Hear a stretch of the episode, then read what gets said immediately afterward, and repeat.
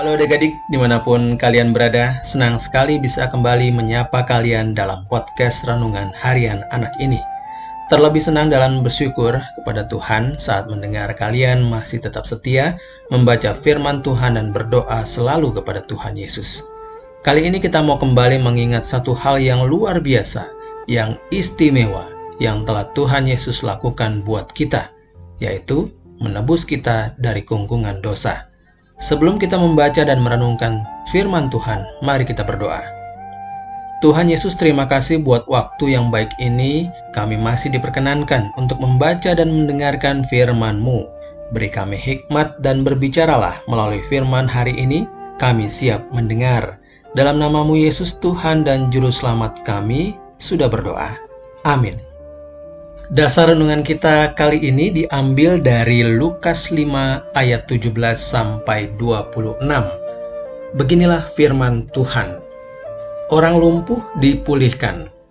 Pada suatu hari ketika Yesus mengajar, ada beberapa orang Farisi dan pengajar hukum Taurat duduk di situ. Mereka datang dari semua desa di Galilea dan Yudea dan dari Yerusalem. Kuasa Tuhan menyertai dia, sehingga ia dapat menyembuhkan.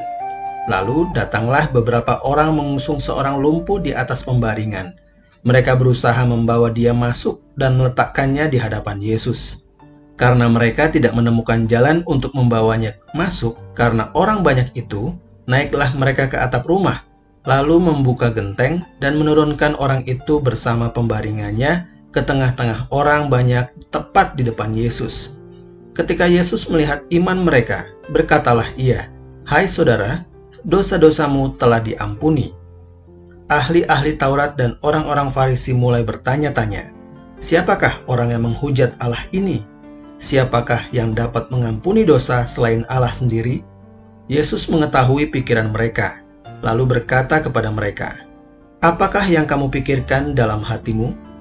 Manakah yang lebih mudah mengatakan, dosa-dosamu sudah diampuni, atau mengatakan, bangunlah dan berjalanlah. Namun supaya kamu tahu bahwa di dunia anak manusia berkuasa mengampuni dosa, berkatalah ia kepada orang lumpuh itu, Kepadamu kukatakan, bangunlah, angkatlah pembaringanmu dan pulanglah ke rumahmu. Seketika itu juga bangunlah ia di hadapan mereka, lalu mengangkat tempat tidurnya dan pulang ke rumahnya sambil memuliakan Allah. Semua orang itu takjub, lalu memuliakan Allah dan mereka sangat takut. Katanya, hari ini kami telah menyaksikan hal-hal yang sangat mengherankan. Demikian firman Tuhan hari ini. Adik-adik fokus renungan kita hari ini adalah ayat 24a dari Lukas 5 yang berbunyi, Namun, supaya kamu tahu bahwa di dunia anak manusia berkuasa mengampuni dosa. Adik-adik, hari ini kita belajar tentang dosa. Apakah itu dosa? Dosa secara umum dapat diartikan sebagai tindakan yang melanggar perintah dan norma Tuhan. Perintah Tuhan secara umum ada dalam 10 perintah Allah yang diberikan kepada Musa. Contoh dari dosa adalah berbohong. Tuhan tidak mau kita berbohong. Tuhan tidak mau kita berdusta. Siapa yang tidak pernah berdosa?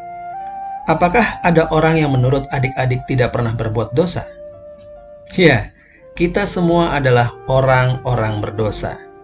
Kita pasti pernah melanggar perintah Tuhan.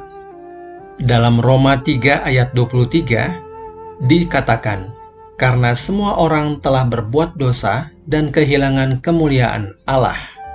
Nah, apakah adik-adik tahu hukuman untuk orang berdosa?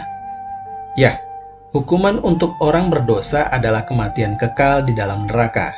Wah, gawat dong. Kita semua akan masuk neraka.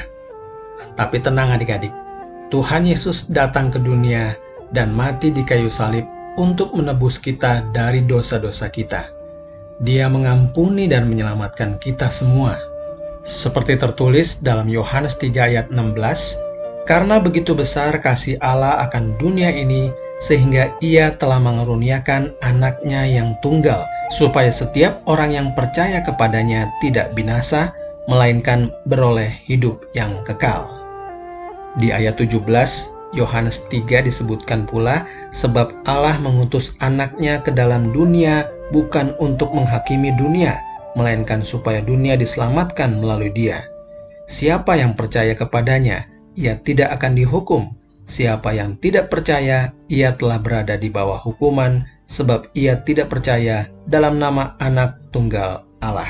Ayat 18 Nah adik-adik, saat ini kita mau sama-sama baca Efesus 1 ayat 7 untuk semakin menguatkan kita bahwa Tuhan Yesus telah mengampuni kita dan menebus kita semua dari dosa-dosa.